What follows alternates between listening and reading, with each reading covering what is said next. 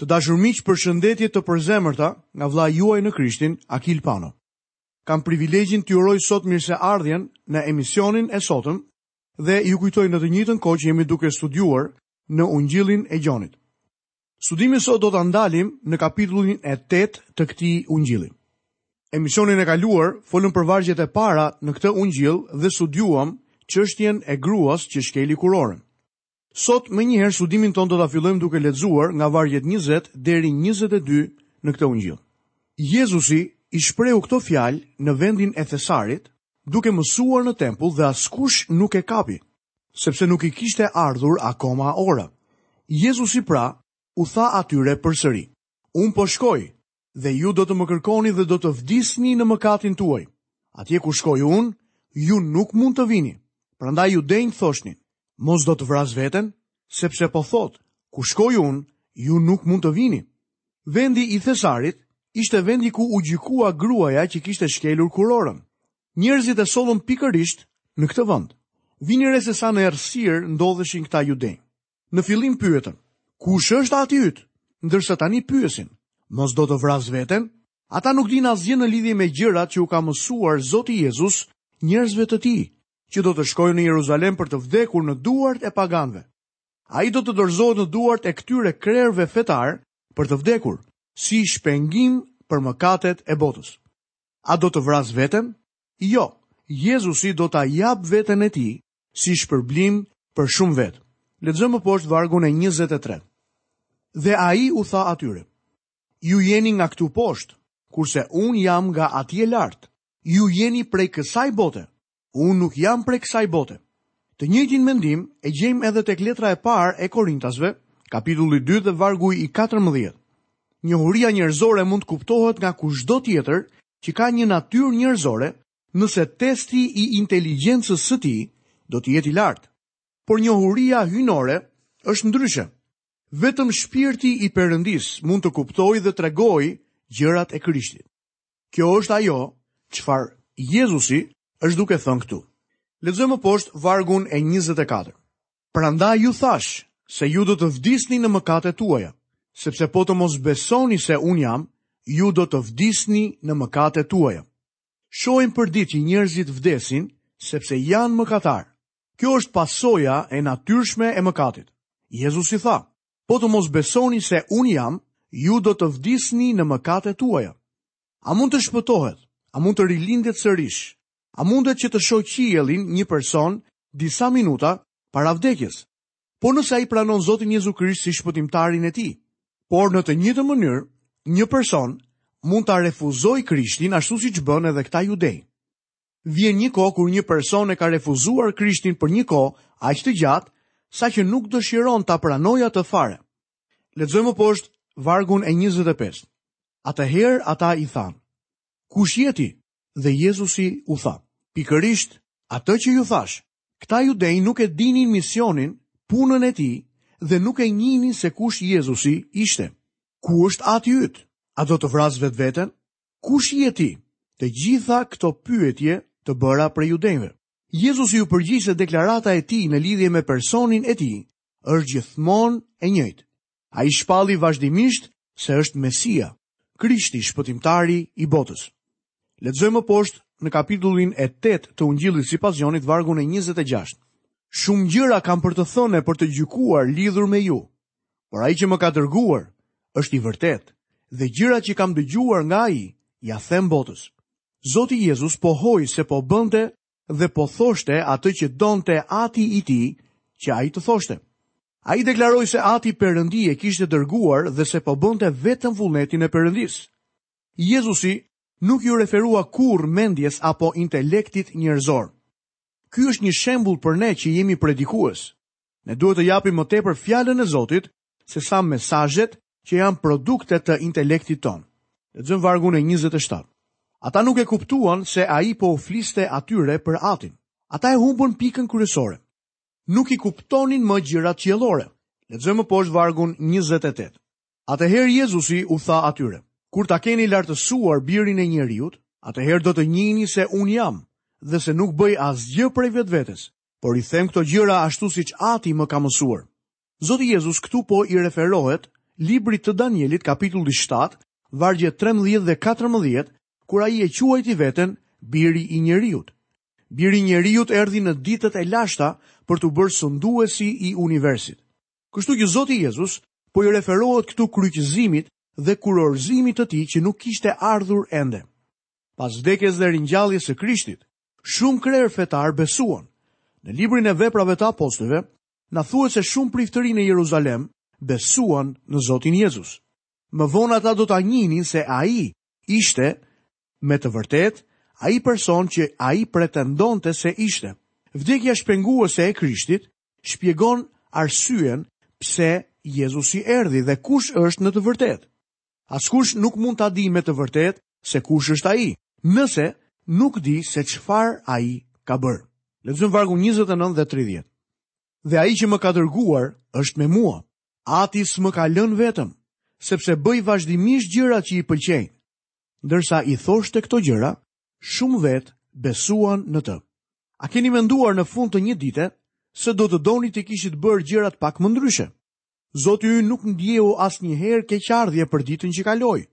A i bënde gjithmonë gjëra që kënaqin atin e ti. Jezus i deklaron fare qartë që ka ardhur për të bërë vullnetin e atit. Në vargun 31 dhe 32. Ate er Jezus ju tha ju denve që besua në të. Nëse do të qëndroni në fjallën time, jeni me të vërtet di shepu i temi. Do të anjini të vërtetën dhe vërteta do t'ju bëj të lirë. Vedëm besimi të shpëtonë por besimi që shpëton nuk është vetëm, a i përëdhon edhe në eksistens diçka. Një person pasi beson në Jezu Krishtin, do të dëshiroj të qëndroj në fjallën e ti. Dëshmia e besimit, qëndron me shpëtimtarin.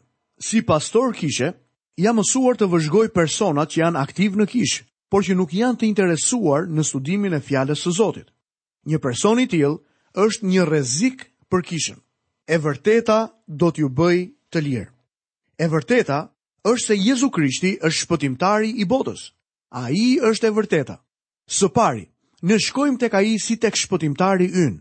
Më pas, ndërsa e cim me të, e dim nga eksperienca që jemi të lirë. Jemi të lirë nga dënimi i mëkatit. Jemi të lirë nga veset dhe sklavëria e mëkatit.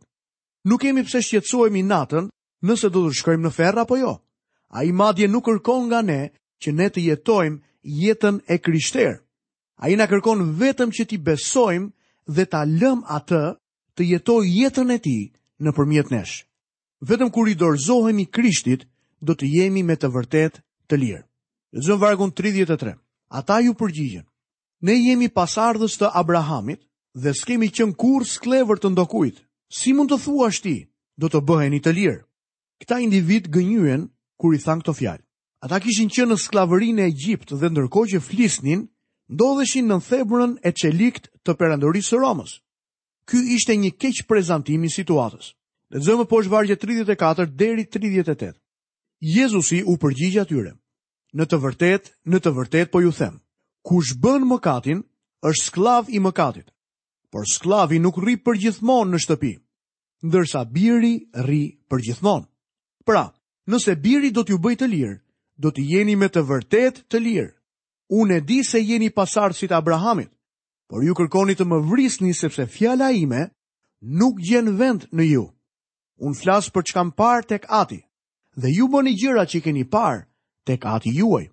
Ata nuk ishin të lirë as fizikisht dhe as shpirtërisht. Këta individ deklaronin se ishin pasardhja e Abrahamit, ndërkohë që donin të vrisnin Krishtin. Jezusi u tha: "Kush bën mëkatin, është sklav i mëkatit." folja këtu është në kohën e tashme. Nëse jeton në mëkat në mënyrë të vazhdueshme, do të ndodhë që ti do të jesh shërbëtori i mëkatit. Nuk besoj se ndonjë nga ne kalon një ditë pa mëkatuar, por bite përëndis vinë tek ati gjdo ditë dhe i rëfejnë mëkatet e tyre. Bite djalit nuk do të bëjnë kur këtë gjë. Kjo është dhe ajo që thuet tek romakët 6 dhe vargu 16. A nuk e dini ju se nëse e tregoni veten shërbëtor të ati që i bindeni. Jeni shërbëtor të ati që i bindeni. Zotë Jezus në këto momente bëhet akoma më impret. Një shërbëtor mund të punoj për ty gjatë gjithë ditës, por kur vjen brëmja, merë kapelen dhe shko në shtëpi. Biri hynë, varë kapelen e ti në një cep ule dhe shlodhet sepse është birë. Zotë Jezus po thot krerve fetarë që ata nuk janë në të vërtet bijt e përëndisë. Ata ishin vërtet në tempull, por nuk do të qëndronin aty për shumë kohë. Në vitin 70 pas Krishtit, erdhi Titi Romaku dhe i mori të gjithë duke i shitur në sklavëri. Ora kishte shkuar 5 dhe shërbëtori duhet të largohej nga shtëpia. Biri na bën të lirë me të vërtetë. Ne nuk kemi pse të jemi shërbëtor të mëkatit. Shumë të krishterë pranojnë mundjen dhe dështimin si jetë normale e krishter. Perëndia nuk ka përsynim që ne të jetojmë një jetë të tillë. Qëllimi i ti është që ne të jetojmë për të në fuqin e frymës së shenjtë. Lexojmë poshtë fjalën e Zotit nga vargje 39 deri 44 në kapitullin e 8 të Ungjillit sipas Gjonit.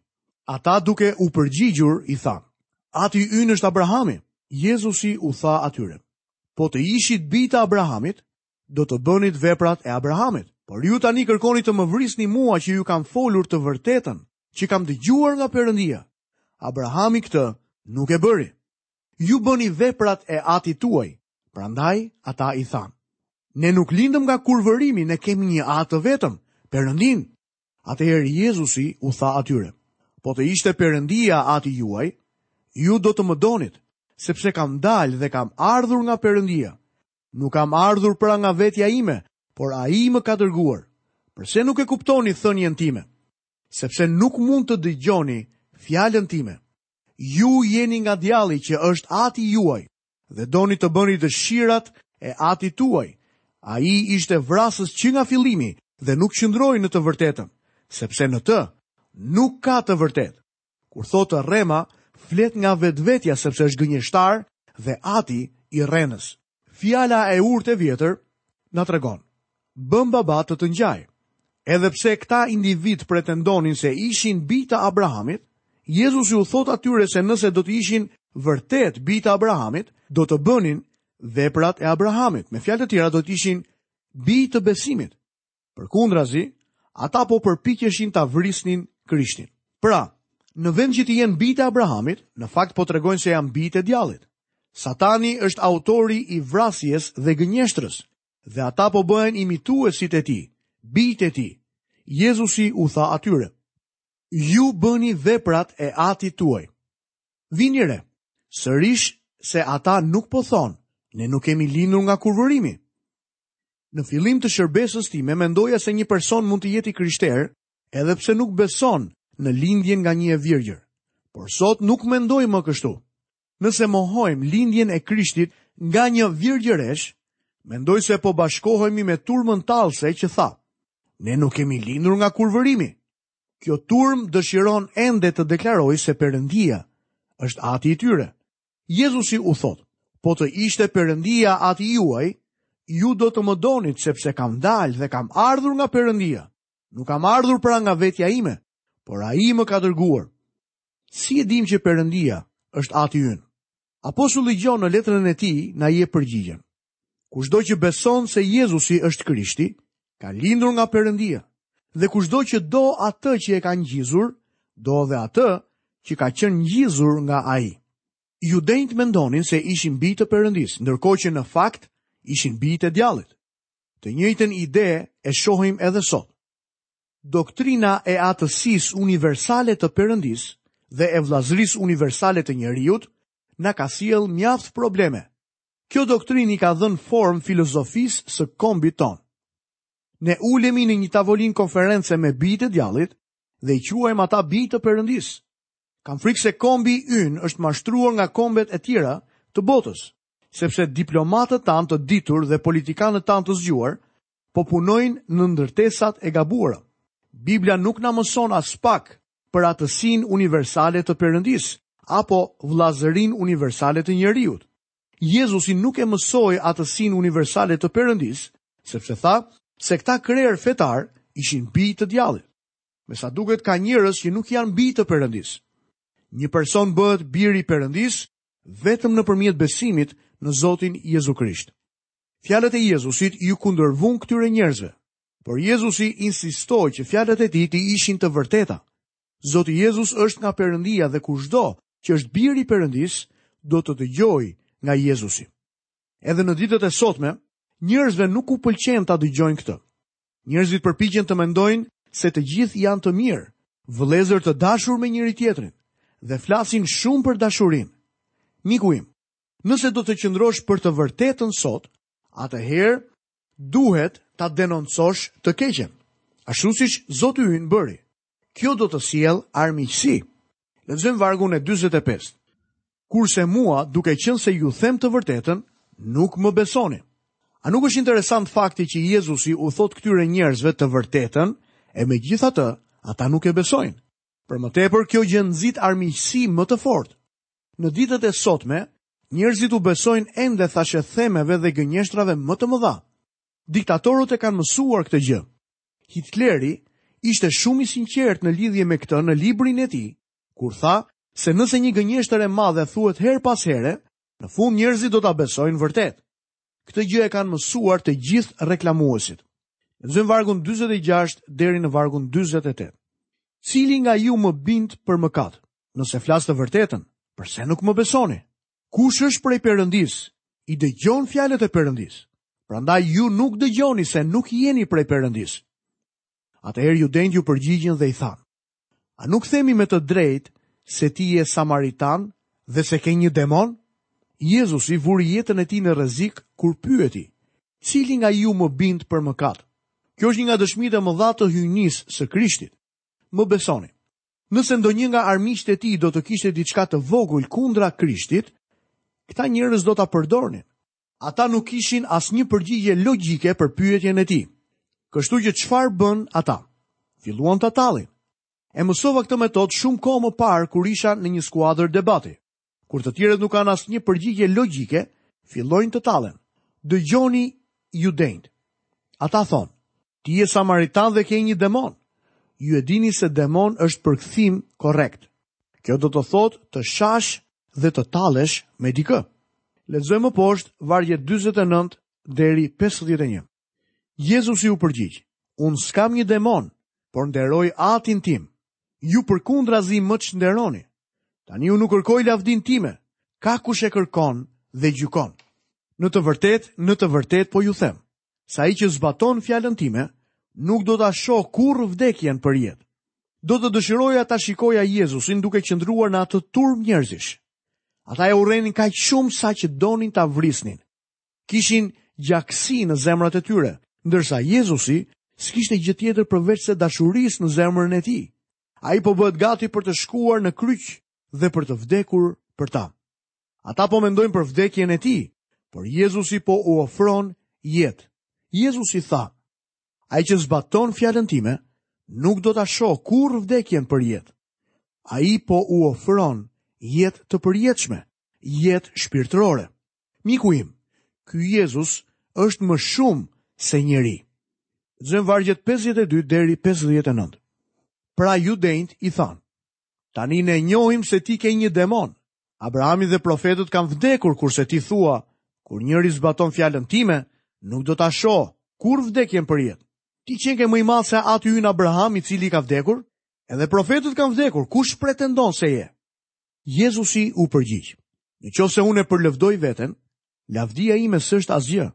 Është Ati im, ai që më përlëvdon, për të cilin ju thoni se është Perëndia juaj. Por ju ende se keni njohur kurse unë e njoh, dhe po të thoja se nuk e njoh, do të isha një gënjeshtar si ju, por unë e njoh dhe zbatoj fjalën e tij. Abrahami, ati juaj, nga zëlloi në shpresën që të shihte ditën time e pa dhe u gëzua. Ju dejnë pra i than, ti ende nuk je pesë dhjetë vjeqë, dhe pas ke para Abrahamin, Jezusi u tha atyre, në të vërtet, në të vërtet, unë ju themë, para se të kishte lindur Abrahami, unë jam. A të hera ta morë ngurë që ti hidhni kunder ti, por Jezus ju fshe dhe doli nga tempulli duke kaluar midis tyre, dhe kështu u largua. A e pa Abrahami do njëherë Krishtin? Sigurisht që po. Shfaqja e përëndis, zbulimi i përëndis në dhjatën e vjetër, ishte shfaqja e Jezu Krishtit për këta njerës. Ungjilli i Gjonit kapitulli i parë dhe vargu i 18 na zbulon këtë të vërtetë. Askush se pa Perëndin kurr. I vetëm lindur i birr që është në gjirin e të etë, është ai që e ka bërë të njohur. Edhe pse trupi i Abrahamit ishte varrosur diku, Abrahami nuk ishte vdekur. A ishte në prezencën e përëndis. Jezusi na e bën këtë të qartë në ungjillin e Lukës, kapitulli 20 dhe vargu i 38, kur ai thotë: a i nuk është përëndi i të vdekurve, por i të gjallëve, sepse të gjithë i jetojnë për të. Teologjia liberale e ditëve të sotme mëson se Jezu Krishti ishte një mësues i madh, por ai nuk deklaroi kurrë se ishte Perëndi. Miku im, dëgjojeni këtë. Para se të kishte lindur Abrahami, un jam. Jo un isha, por un jam. Ai është Jehova, Zoti un jam. Judenjt të kuptuan fare mirë qëfar Jezusi po u thoshte. Për shkak se dinin saktësisht se qëfar po deklaron të Jezusi morën gurë për ta qëluar për blasfemi. Jezu Krishti është tema e ditës. A i vuri Judenjt në një pozit të vështirë, ata duhet të merë një vendim në lidhje me të. Ti sot duhet të bësh një vendim në lidhje me Krishtin. A i është ose i vërtet ose gënjështar, ose është ose nuk është perëndi. Krishti ose është ose nuk është shpëtimtari i botës. Ti duhet të vendosësh në zemrën tënde, ose ta pranosh, ose ta refuzosh. Mba mend, vendimi ytë nuk e ndryshon as pak qënjen e ti, atë që në të vërtet Krishti është. A i është Zoti, unë jam, përëndia i përjetëshëm. Vendimi që ti duhet të marrësh, është ta pranosh në zemrën tënde tandë. Të dashur miq, këtu kemi mbritur dhe në fundin e emisionit të sotëm. Ja mirënjohës perëndis që Perëndia gjithmonë do të tregoj rrugën e shpëtimit për njerëzit e tij. Lutem juve që dëgjuat fjalën e Zotit, të merrni këtë vendim në jetën tuaj, vendimin i cili do të ndryshoj tërsisht drejtimin e jetës tuaj dhe në të njëjtën kohë gjithashtu edhe destinacionin tuaj përfundimtar. Fjala e Zotit na mëson qartë që në buzët tuaja, në gjuhën tënde, Perëndia ka vendosur zgjedhjen midis vdekjes dhe jetës. Ti do të zgjedhësh. Zgjidh jetën. Zgjidh Jezusin. Ai erdhi dhe vdiq në kryqin e Golgotës 2000 vjet më parë për të marrë mbi trupin e tij mëkatin tënd, mëkatin tim, vdekjen që ne meritonim. Nëse ti sot pranon Krishtin si Zotin si shpëtimtarin tënd, Perëndia i cili është bujar me të gjithë ata që pranojnë ofertën e tij, birin e Perëndis. Perëndia do të fal të gjithë mëkatet e do të sjell jetën e vërtet shpirtërore në zemër të njeriu. Lutem që të mendoni thellë në zemrën tuaj mbi këtë çështje. Jezusi është tema e ditës. Nga unë vla juaj në krishtin Akil Pano, keni të gjitha bekimet e përëndis dhe pacjen e ti në jetën tuaj. Bashkë miru të gjofshim në emisionin arqëm.